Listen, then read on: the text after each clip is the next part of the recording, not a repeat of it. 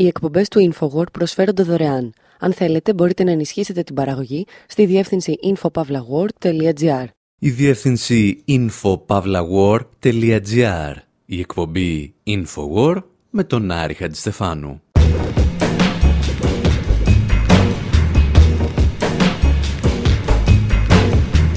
όπου σήμερα υποστηρίζουμε ότι οι Ηνωμένες Πολιτείες δεν θα κηρύξουν τον πόλεμο στο Ιράν γιατί το έχουν κάνει εδώ και αρκετές δεκαετίες.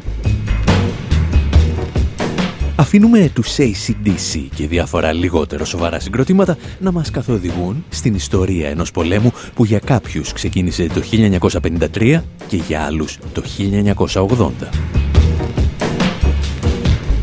Συζητάμε για σκουλίκια υπολογιστών, για κυρώσεις, για δολοφονίες επιστημόνων και καταρρίψεις αεροσκαφών που ισοδυναμούν με κήρυξη πολέμου, αλλά κανένας δεν θέλησε να τις αναγνωρίσει ως τέτοιες.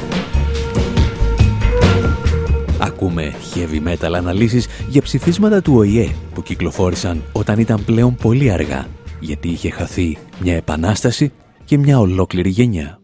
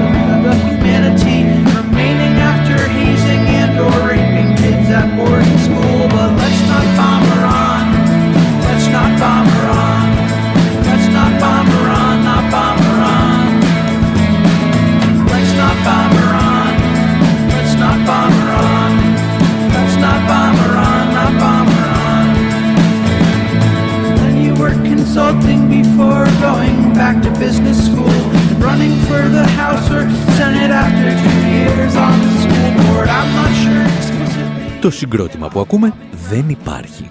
Σχεδόν κυριολεκτικά. Ονομάζονται Heavy Beats και εμείς τουλάχιστον, ύστερα από ενδελεχή έρευνα, καταφέραμε να εντοπίσουμε μόνο αυτό το τραγούδι τους, το οποίο κυκλοφόρησε στις 7 Ιανουαρίου του 2020. Ενώ δηλαδή η ανθρωπότητα περίμενε με κομμένη την ανάσα, εάν η Ουάσιγκτον θα ξεκινούσε έναν ακόμη πόλεμο στη Μέση Ανατολή. Το τραγούδι είναι ουσιαστικά μια πολιτική διατριβή που ασχολείται από τα κείμενα του Νόαμ Τσόμσκι για το Ιράν μέχρι τη στήριξη που παρέχουν οι New York Times σε κάθε Αμερικανικό πόλεμο.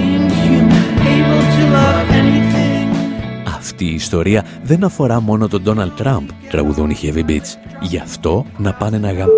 οι Κλίντον και ο Ομπάμα.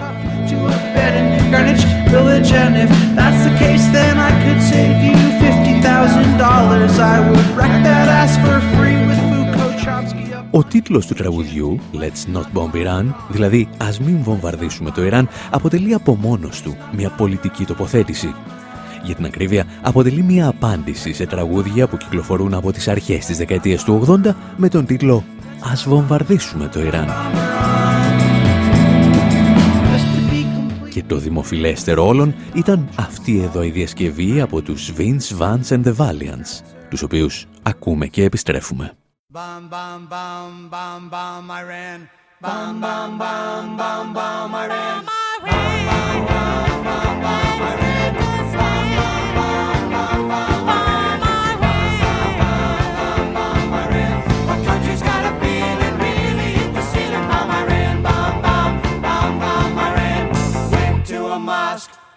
Throw some rocks. Tell the Ayatollah gonna put you in a box. Bomb Iran, bomb, bomb, bomb, bomb Iran.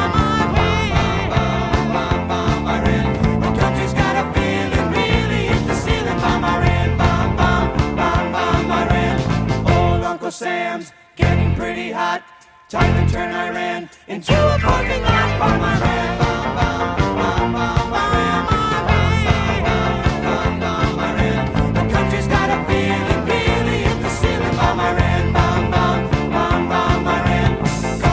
volunteers, call the bombardiers, call the financiers. Better get their ass in gear. Bomb Iran, bomb, bomb, bomb, bomb, Iran.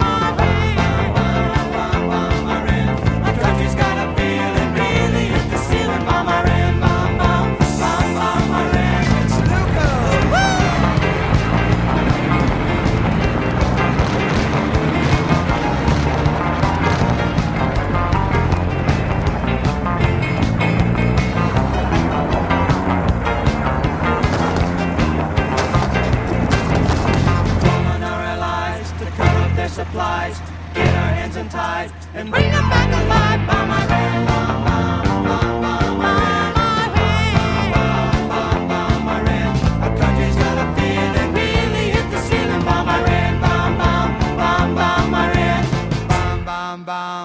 bomb, bomb, bomb, Οι Vince Vance and the Valiants είναι μια θλιβερή μπάντα από τη Νέα Ορλεάνη, η οποία κατάφερε να ξεφύγει από την αφάνεια μόνο με μια χριστουγεννιάτικη αηδία που ακούγε στο όνομα All I Want for Christmas is You.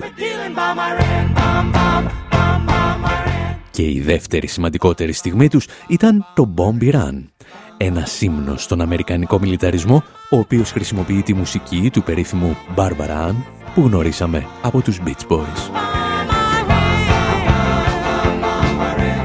Πηγαίνω σε ένα Ισλαμικό τέμενος, λέει το τραγούδι, για να πετάξω μερικές πέτρες. Και ο θείος Σαμ έχει ζεσταθεί και είναι έτοιμος να μετατρέψει ολόκληρο το Ιράν σε ένα μεγάλο πάρκινγκ. Η πρώτη εκδοχή του Bombi θα κυκλοφορήσει το 1980, ενώ βρίσκεται σε εξέλιξη η ομοιρία των Αμερικανών διπλωματών στην πρεσβεία των Ηνωμένων Πολιτειών στην Τεχεράνη.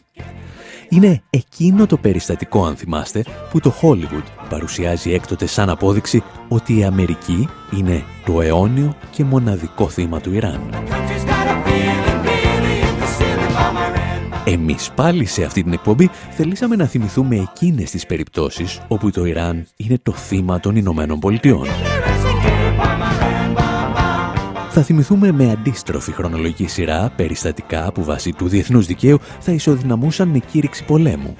Θα μιλήσουμε όμως και για περιστατικά που αποτελούν εγκλήματα κατά της ανθρωπότητας. Για όλες αυτές τις ιστορίες όμως θα χρειαστούμε μία μικρή βοήθεια από τους ACDC.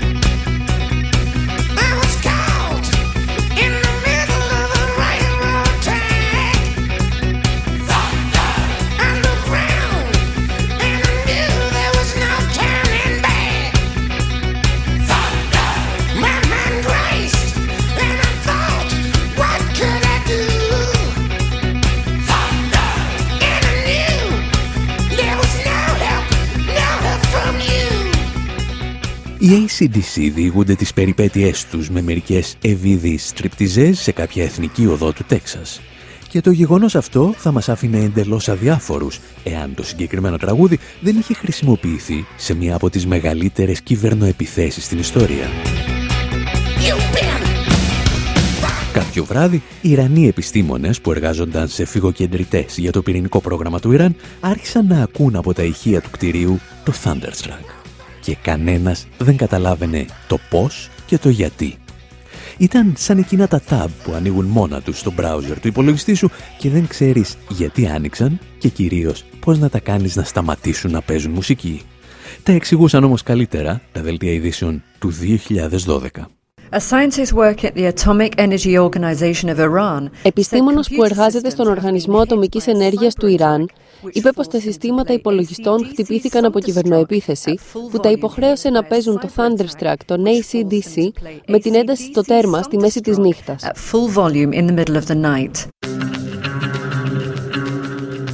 Η συγκεκριμένη επίθεση εντασσόταν στις περίφημες πλέον κυβερνοεπιθέσεις που πραγματοποιούσαν οι Ηνωμένες Πολιτείες και το Ισραήλ εναντίον του Ιράν, με πιο γνωστή την επίθεση του Stuxnet.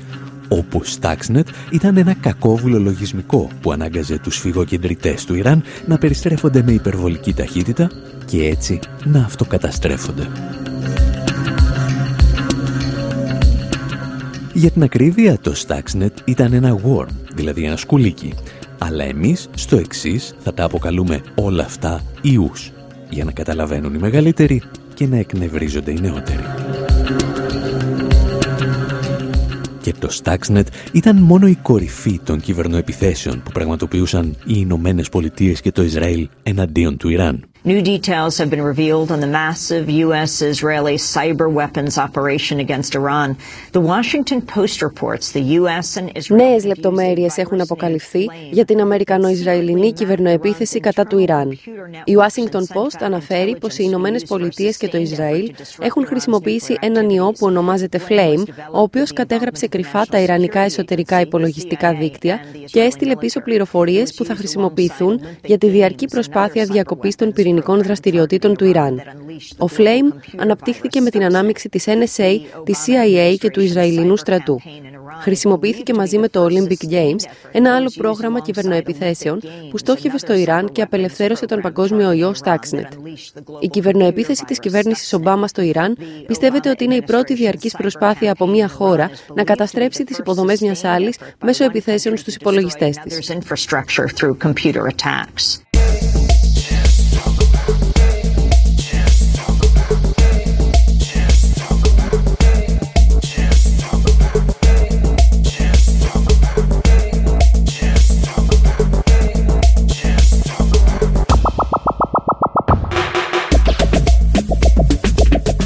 Το κομμάτι που ακούτε ονομάζεται Stuxnet. Δανείζεται δηλαδή τον τίτλο του από το σκουλίκι που δημιούργησαν οι Ηνωμένες Πολιτείες και το Ισραήλ για να χτυπήσουν το Ιράν.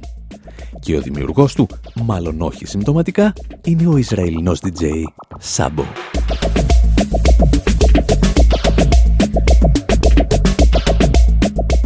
Για τους περισσότερους δυτικούς αναλυτές, οι επιθέσεις του Stuxnet και άλλων σκουλικιών ήταν από επιβεβλημένες έως διασκεδαστικές. Στην πραγματικότητα όμως, αυτού του είδους οι επιχειρήσεις σαμποτάζ μπορούν να θεωρηθούν επιθετικές στρατιωτικές ενέργειες και να ξεκινήσουν έναν πόλεμο. Και δεν το λέμε εμείς, το λένε ερευνητές του ΝΑΤΟ. A new study commissioned by NATO says a joint U.S.-Israeli cyber attack launched on Iran's nuclear facilities was Νέα έρευνα που πραγματοποιήθηκε κατά παραγγελία του ΝΑΤΟ αναφέρει πως μια κοινή Αμερικανο-Ισραηλινή κυβερνοεπίθεση εναντίον των Ιρανικών πυρηνικών εγκαταστάσεων πιθανότατα παραβίασε το διεθνές δίκαιο. Ομάδα 10 διεθνών ερευνητών συμφώνησε ομόφωνα πως η χρήση του Stuxnet πριν κάποια χρόνια αποτέλεσε πράξη ισχύως που απαγορεύεται από τη Χάρτα των Ηνωμένων Εθνών εκτός από τις περιπτώσεις περιπτώσεις αυτοάμυνας. Κάποιοι μάλιστα θεώρησαν ακόμα ότι ο ιός ισοδυναμεί με ένοπλη επίθεση, γεγονός που θα έδινε στο Ιράν το δικαίωμα να αμυνθεί.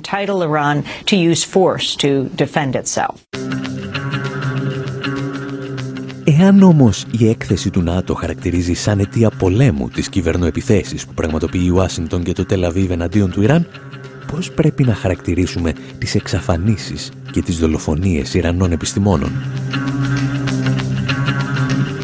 Μία σύντομη σούμα των θυμάτων έκανε πριν από μερικά χρόνια το Democracy Now! Iran has accused the United States and Israel of collaborating to assassinate a scientist with potential links to the nation's nuclear program. Το Ιράν έχει κατηγορήσει τις Ηνωμένες Πολιτείες και το Ισραήλ ότι συνεργάστηκαν για να δολοφονήσουν έναν επιστήμονα με πιθανούς δεσμούς με το Ιρανικό πυρηνικό πρόγραμμα.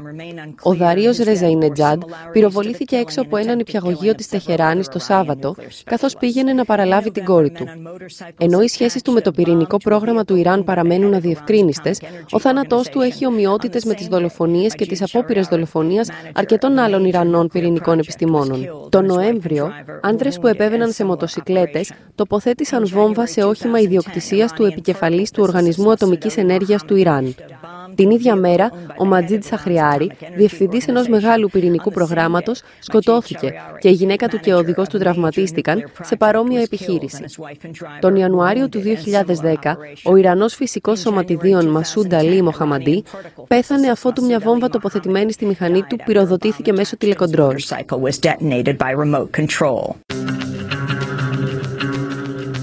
Το Ιράν λοιπόν κατηγορούσε εδώ και χρόνια τις Ηνωμένες Πολιτείες και το Ισραήλ ότι εκτελούν τους επιστήμονές του, αλλά κανένας δεν έδινε σημασία. Μέχρι τη στιγμή που εκτέλεσαν και τον στρατηγό Σολεϊμάνη, ξεπερνώντας κάθε κόκκινη γραμμή. Στην πραγματικότητα βέβαια οι Ηνωμένες Πολιτείες σκοτώνουν εδώ και χρόνια πολύ περισσότερους ανθρώπους μέσω των οικονομικών κυρώσεων. Για αυτή την ιστορία όμως θα μας επιτρέψετε να καταφύγουμε σε κάτι Γερμανούς.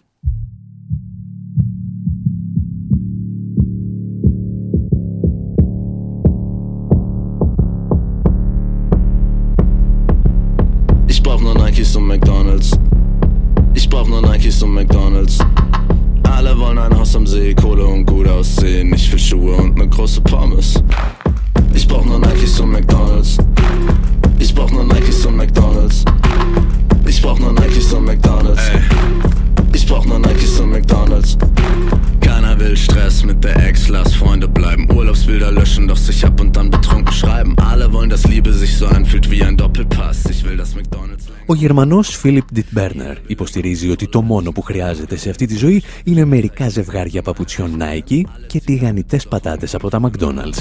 Ich freu mich über neue Schuhe, denn Και ενώ το να ασχολείσαι με τέτοια θέματα στη Δύση είναι μάλλον αδιάφορο, στο Ιράν τα πράγματα είναι ελαφρώς πιο σύνθετα. Kohle und gut aussehen. Ich will Schuhe und ne große Pommes. Καταρχήν γιατί το Ιράν δεν θέλει τα McDonald's, τα οποία θεωρεί σύμβολο του αμερικανικού υπεριαλισμού.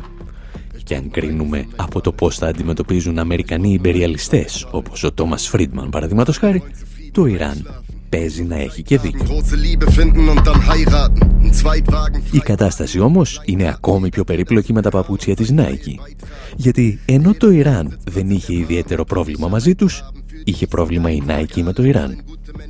Η Αμερικανική εταιρεία ήταν η πρώτη που ακολούθησε οικειοθελώς τις εντολές του Τραμπ να επιβάλλει κυρώσεις στην Τεχεράνη, όταν ο Λευκός Οίκος αποχώρησε μονομερός από τη συμφωνία για το πυρηνικό πρόγραμμα της χώρας. Ein fettes Steak und eine heile Welt. Ey, ich brauch nur Nikes und McDonalds. Συγκεκριμένα, η Nike αρνήθηκε να προσφέρει παπούτσια στους Ιρανούς ποδοσφαιριστές που θα συμμετείχαν στο Παγκόσμιο Κύπελο Ποδοσφαίρου του 2018. Για άλλη μια φορά, τα πράγματα είναι φυσικά πιο σύνθετα.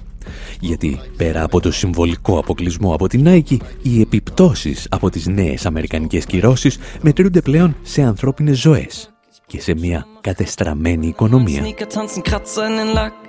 Natürlich wähle ich das Super Size. Ή, αν προτιμάτε, όπως έλεγε και ο Αμερικανός καθηγητής ιστορίας του Πανεπιστημίου του Μίτσιγκαν, Χουάν Κόουλ, οι κυρώσεις είναι μία ακόμη μορφή πολέμου. The other thing that the Amer- American public is not generally being told, although it sometimes comes out a bit, is that the United States has Iran under uh, a, uh, a financial. Ένα στοιχείο που δεν μαθαίνει σε γενικές γραμμές η Αμερικανική κοινή γνώμη είναι ότι οι Ηνωμένες Πολιτείες έχουν το Ιράν υπό έναν οικονομικό αποκλεισμό πρωτόγνωρων διαστάσεων. Το Ιράν έχει υποστεί κυρώσεις σε βαθμό που καμία άλλη χώρα δεν έχει υποστεί εν καιρό ειρήνης.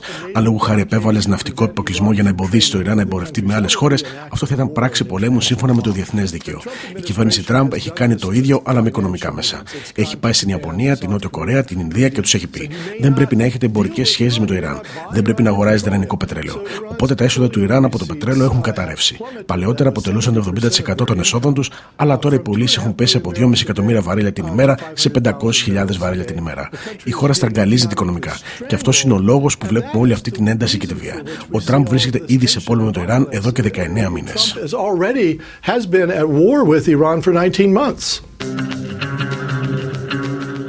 Οι Ηνωμένες Πολιτείες λοιπόν κατηγορούνται για κυβερνοεπιθέσεις, τις οποίες το ΝΑΤΟ χαρακτηρίζει αιτία πολέμου, για δολοφονίες επιστημόνων μιας ξένης χώρας, τις οποίες όλοι θα χαρακτηρίζαμε αιτία πολέμου, και για κυρώσεις που επίσης αποτελούν μια μορφή πολέμου, σύμφωνα με το διεθνές δίκαιο.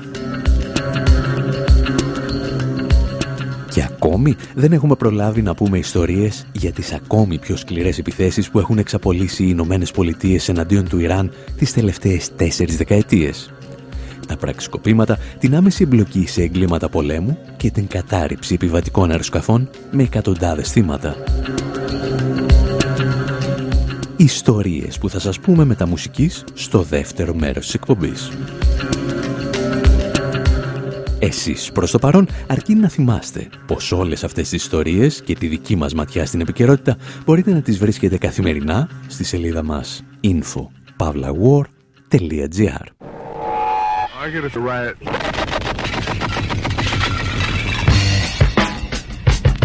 I don't read the newspapers because they all have ugly prints. Check me out. Check me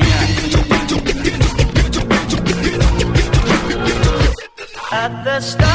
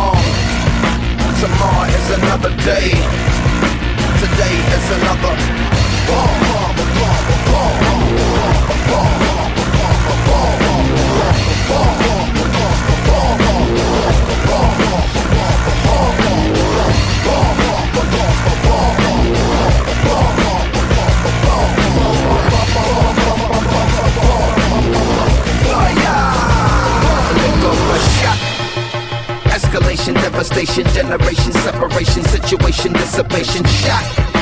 Another shot, another shot. The tender vessel crushing, pop. The heart is cold, the gun is hot. Shot. I'm not sure if they done or not. I'm not sure that they wanna stop. The gun is cold, the blood is hot. Shot, shot, shot, shot, shot, shot, shot. The heart's are weak, the guns are not. Hear a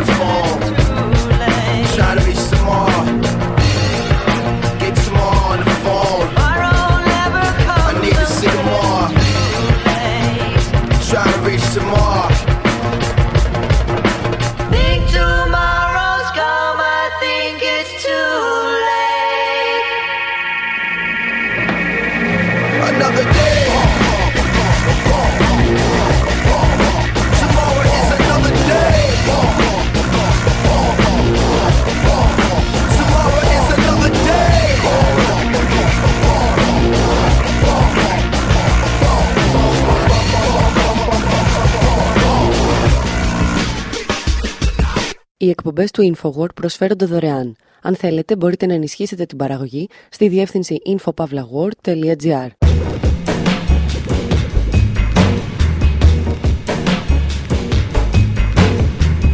Εκπομπή Infowar, μέρος δεύτερο. Όπου διηγούμαστε ιστορίες για εκείνες τις περιπτώσεις όπου οι Ηνωμένες Πολιτείες κήρυξαν τον πόλεμο στο Ιράν, αλλά κανένας δεν θέλησε να πει τα πράγματα με το όνομά τους. Ξεκινήσαμε με αντίστροφη χρονολογική σειρά να συζητάμε για σκουλίκια υπολογιστών, για δολοφονίες επιστημόνων και για ένα δολοφονικό εμπάργκο. Και έχει έρθει η στιγμή να μιλήσουμε για τα πραγματικά πεδία των μαχών, όπου οι Ηνωμένες Πολιτείες ήταν όσοι παρούσες. Θυμόμαστε ότι κάθε φορά που η Ουάσιγκτον κλιμακώνει την ένταση εναντίον της Τεχεράνης, πέφτει ένα αεροπλάνο και πάντα την πληρώνουν μόνο οι επιβάτες. Ξεκινάμε όμως με έναν πραγματικό πόλεμο. Από εκείνες τις στιγμές όπου οι πληροφορίες σου έρχονται από εκεί που δεν το περιμένεις.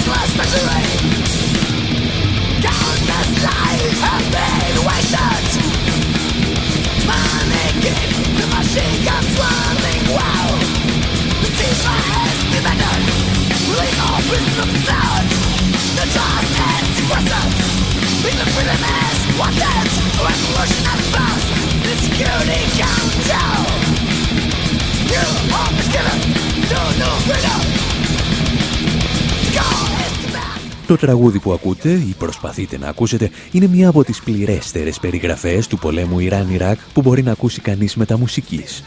Περίπου. Το άσμα ανήκει στο συγκρότημα Assassin από το San Diego των Ηνωμένων Πολιτειών και ο τίτλος του είναι Resolution 588. Αναφέρεται δηλαδή στο ψήφισμα 588, μία από τις πολλές προσπάθειες που κατέβαλε στα μέσα της δεκαετίας του 80 ο ΟΗΕ για να τερματίσει μία από τις μεγαλύτερες ανθρωποσφαγές στη Μέση Ανατολή, τον πόλεμο Ιράν-Ιράκ. Ο πόλεμος Ιράν-Ιράκ αποτελούσε υπό μία έννοια την απάντηση των Ηνωμένων Πολιτειών στην Ιρανική Επανάσταση του 1979, η οποία στερούσε από την Ουάσιγκτον έναν από τους σημαντικότερους πυλώνες της στην ευρύτερη περιοχή. Εφαρμόζοντας την πανάρχια τεχνική του Διέρη και Βασίλευε, η Ουάσιγκτον έστρεψε το Ιράκ εναντίον του Ιράν και εξόπλιζε διαδοχικά και τις δύο χώρες προκειμένου να εξασφαλίσει τη συνέχιση της αιματοχυσίας. Τα εξηγούσε παλαιότερα μιλώντας στον Democracy Now! ο δημοσιογράφος Ρόμπερτ Πάρι. Η Προεδρία Ρίγκαν εξόπλιζε μυστικά και τις δύο πλευρές του πολέμου Ιράν-Ιράκ. Σήμερα γνωρίζουμε ότι αυτό ξεκίνησε στις αρχές της δεκαετίας του 80. Από το 1981 ο Ρίγκαν ενέκρινε τη μεταφορά οπλισμού μέσω του Ισραήλ προς το Ιράν. Όταν όμως οι Ιρανοί άρχισαν να έχουν το πάνω χέρι στις επιχειρήσεις, η Αμερικανική πολιτική άλλαξε και άρχισαν να εξοπλίζουν το Ιράκ του Σαντάμ Χουσέιν. Του έδωσαν πρόσβαση σε μυστικές πληροφορίες, ενώ του παρήχαν και συμβουλές για το πώς να χρησιμοποιεί την πολεμική του αεροπορία. Η κυβέρνηση του Ρίγκαν προσπαθούσε να αφήσει το Κογκρέσο και τις επιτροπές του στο σκοτάδι σχετικά με αυτή την πολιτική. Ο πόλεμος Ιράν-Ιράκ θα στοιχήσει στην Τεχεράνη ένα εκατομμύριο ανθρώπινες ζωές και περίπου 500 δισεκατομμύρια δολάρια. Παράλληλα, θα δώσει τη χαριστική βολή στα τελευταία προοδευτικά στοιχεία της Ιρανικής Επανάστασης. Πριν από περίπου 10 χρόνια, το Infowar είχε ταξιδέψει στην Τεχεράνη.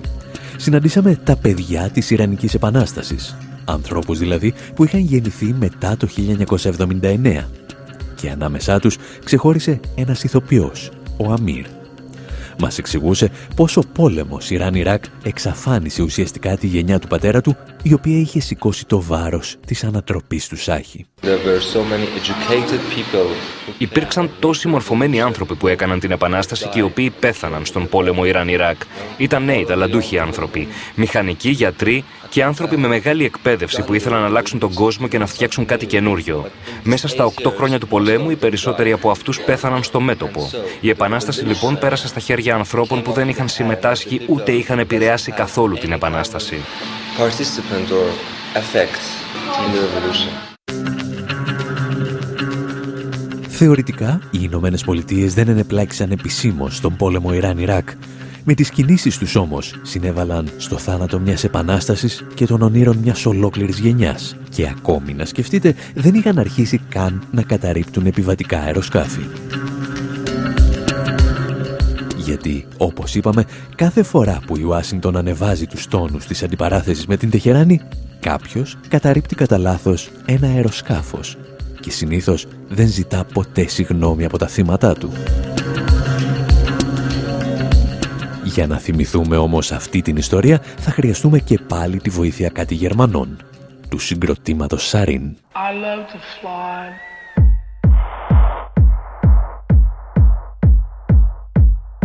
It's just you're alone,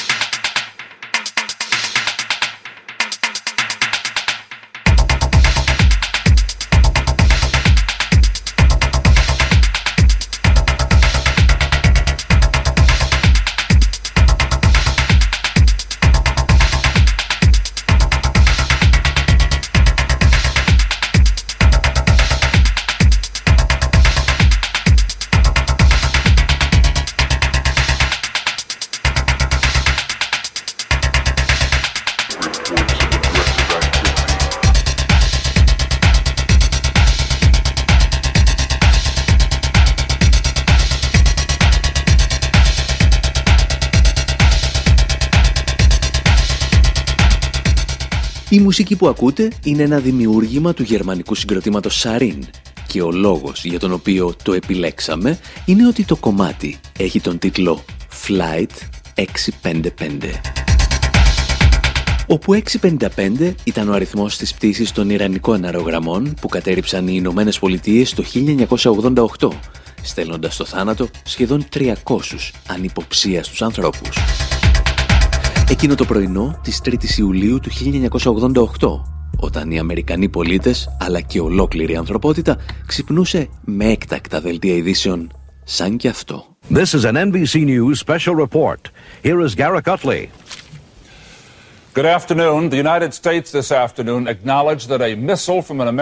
Καλησπέρα. Οι Ηνωμένες Πολιτείες παραδέχθηκαν ότι ένας πύραυλος που εκτοξεύθηκε από αμερικανικό σκάφος στον Περσικό κόλπο κατέριψε κατά λάθος ένα ιρανικό επιβατικό αεροσκάφος. Οι 290 επιβαίνοντες πιστεύετε ότι είναι νεκροί. Στο Πεντάγωνο, ο ναύαρχος William Crow, αρχηγός Γενικού Επιτελείου Ενόπλων Δυνάμεων, ανέφερε ότι ο πύραυλος προήλθε από το αμερικανικό καταδρομικό USS Vincennes, το οποίο πίστευε ότι δέχεται επίθεση από ένα ιρανικό μαχητικό F-14.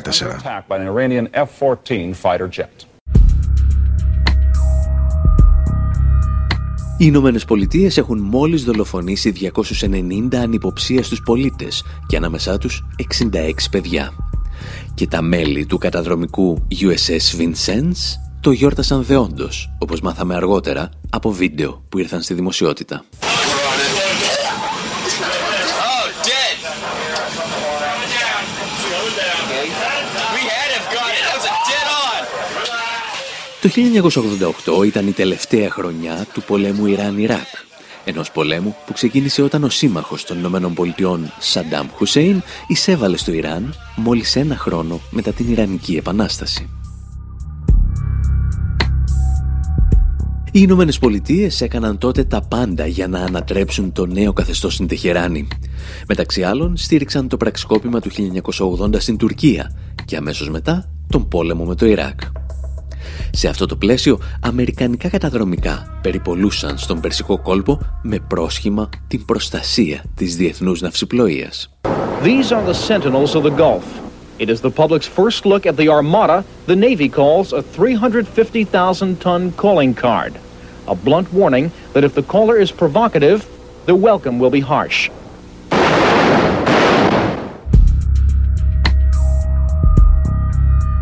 Τα αμερικανικά μέσα ενημέρωσης μιλούσαν τότε με υπερηφάνεια για την Αμερικανική αρμάδα, η οποία μία ωραία πρωία κατέριψε και ένα αεροσκάφος της Ιρανικής πολιτικής αεροπορίας, την πτήση 655.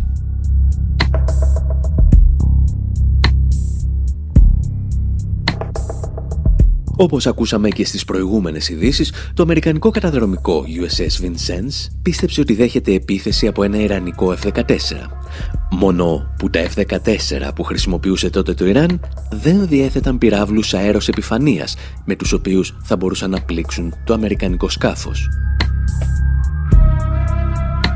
Και πώς το γνώριζαν αυτό οι Αμερικανοί; Ίσως να το γνώριζαν γιατί ήταν αυτοί που είχαν πουλήσει τα μαχητικά αεροσκάφη στο Ιράν τη δεκαετία του 70, στα χρόνια του Σάχη. Η πληροφορία που δεν μας έδωσαν τα δελτία ειδήσεων της εποχής είναι ότι το Ιρανικό αεροσκάφος με τους 290 επιβάτες βρισκόταν στα Ιρανικά χωρικά ύδατα. Όπως δεν μαθαίναμε τότε ότι το Αμερικανικό καταδρομικό ήταν επίσης στα Ιρανικά χωρικά ύδατα, το οποίο δεν συνηθίζεται στο διεθνές δίκαιο. Και δεν μπορούν να γίνουν 4-5 λάθη, θα υποστηρίξει κάποιος. Να είσαι δηλαδή στο λάθος σημείο και να σκοτώσεις 290 ανθρώπους που είναι στο σωστό σημείο γιατί πιστεύεις ότι σε απειλεί ένα αεροσκάφος που δεν είναι καν στο σημείο και ούτως ή άλλως δεν θα μπορούσε να σε πλήξει. Ή για να το πούμε διαφορετικά, δεν θα μπορούσαν πράγματι οι Αμερικανοί να μπερδέψουν ένα τεράστιο Airbus A300 με 290 επιβάτες και πλήρωμα με ένα F-14 με δύο μέλη πληρώματος. Η αλήθεια είναι πως δεν θα μπορούσαν να το κάνουν πολύ εύκολα.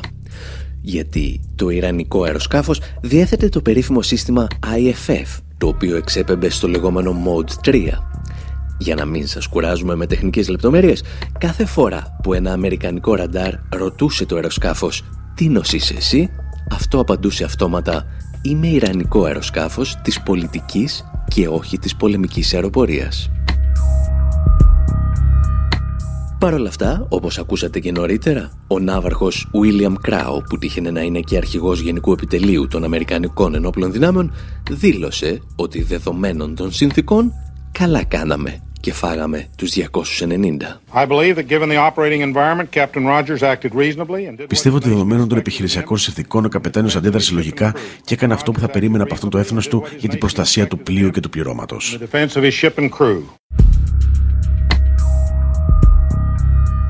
Το ότι το έθνος ζήτησε από το Πεντάγωνο να σκοτώσει 290 ανθρώπους, μεταξύ των οποίων και 66 παιδιά, δεν έχει επιβεβαιωθεί ακόμη. Έτσι είναι όμως πάντα με τα έθνη.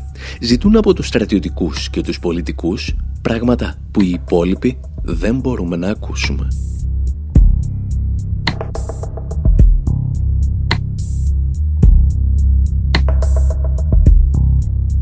Ένα ζήτημα λοιπόν σε αυτή την ιστορία είναι αν πράγματι οι Ηνωμένες Πολιτείες γνώριζαν ότι θα κατέριπταν ένα αεροσκάφος της πολιτικής αεροπορίας και το έκαναν συνειδητά.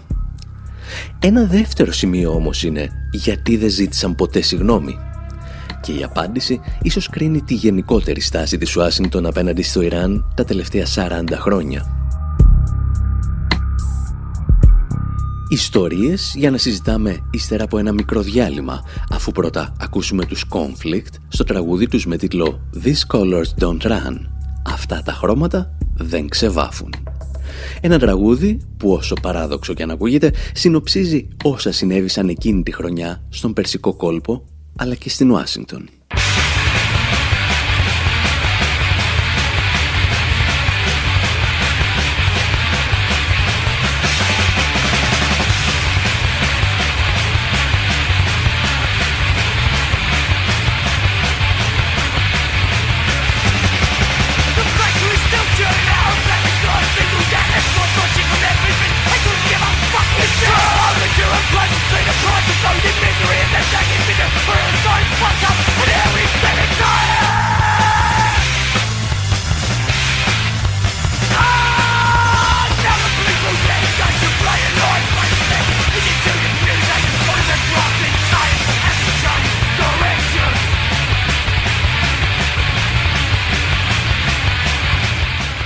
Οι κύριοι που ακούτε είναι, όπως είπαμε, οι αναρχοπάνκιδες Conflict, ένα συγκρότημα που δημιουργήθηκε στο νότιο Λονδίνο το 1981 και έκανε πολύ παρέα με τους πολύ πιο γνωστούς Crash. Εδώ πιάνουν το χρονολόγιο από το 1981 μέχρι το 1991 και περιγράφουν με μεθοδικότητα και κυρίως ψυχραιμία, όπως μπορείτε να ακούσετε, τα σημαντικότερα πολιτικά γεγονότα κάθε χρονιάς.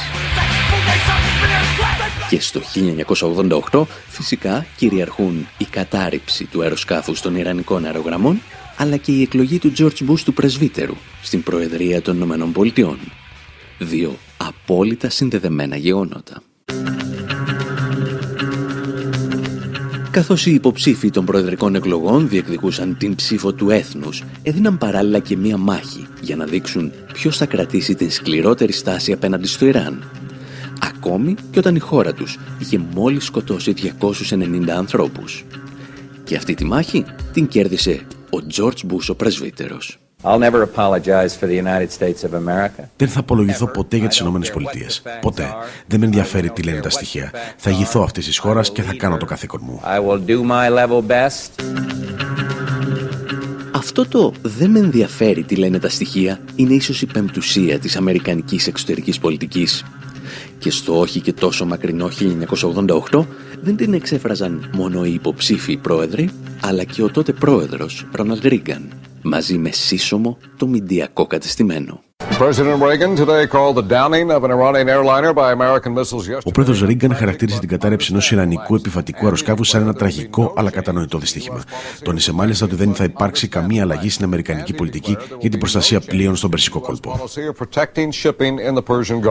Policy of protecting shipping in the Persian Gulf. Oh, I think it was an understandable accident to shoot and think that they were under attack. Πιστεύω ότι ήταν ένα κατανοητό δυστύχημα. Πίστευαν ότι δέχονται επίδεση από αυτό το αεροπλάνο. Δεν θέλω να υποτιμήσω τα χαρακτηριστικά της τραγωδίας. Ο πύραυλός μας όμως εκτοξεύτηκε γιατί ένα ραντάρ εντόπισε ένα αεροσκάφος να προσεγγίζει από μεγάλη απόσταση. Το πρόβλημα με το πολιτικό και μηντιακό κατεστημένο των Ηνωμένων Πολιτειών δεν ήταν απλώς ότι κανένας δεν ζητούσε συγνώμη για το θάνατο σχεδόν 300 ανθρώπων. Ήταν ότι οι ίδιοι άνθρωποι προσπαθούσαν να φορτώσουν την ευθύνη στα θύματα. Ο καθηγητής μέσων επικοινωνίας Ρόμπερτ Έντμαν από το Πανεπιστήμιο George Washington μελέτησε για χρόνια την κάλυψη του συγκεκριμένου περιστατικού από τα αμερικανικά μέσα ενημέρωσης και συγκεκριμένα από το περιοδικό Time, το Newsweek, τους New York Times, την Washington Post και το δίκτυο CBS. Το συμπέρασμά του θεωρείται σταθμό στη μελέτη της διεθνούς ειδησιογραφίας, γιατί ο Έντμαν παρουσίασε όλες τις τεχνικές που χρησιμοποιήθηκαν ώστε να φύγουν από το προσκήνιο οι επιβάτες της μοιραίας πτήσης X-55. Και μόλις επιτεύχθηκε αυτό, το περιστατικό αντιμετωπίστηκε σαν ένα τεχνικό πρόβλημα. Οι αναγνώστες και οι τηλεθεατές έπρεπε να χαθούν σε έναν οριμαγδό τεχνικών λεπτομεριών για να μην σκέφτονται ότι η χώρα τους είχε μόλις εκτελέσει 66 παιδιά με ένα πύραυλο.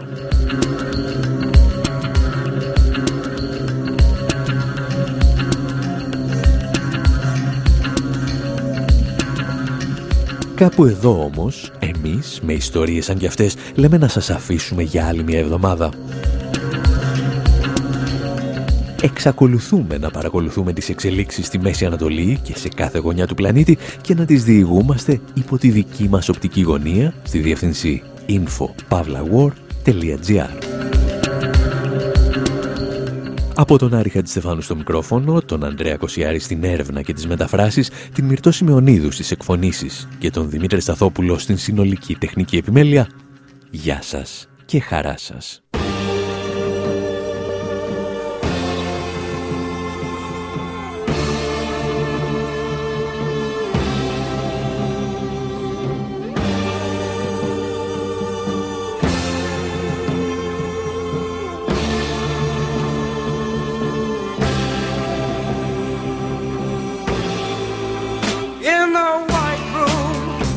Black curtains near the station.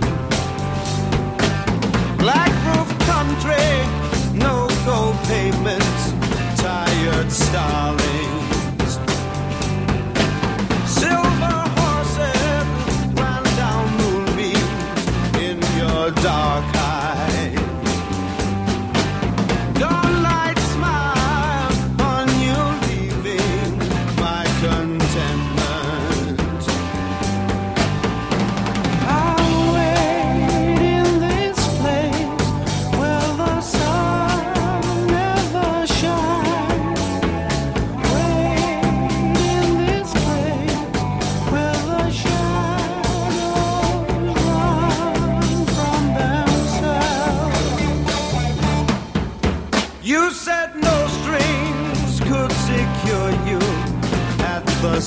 ocean.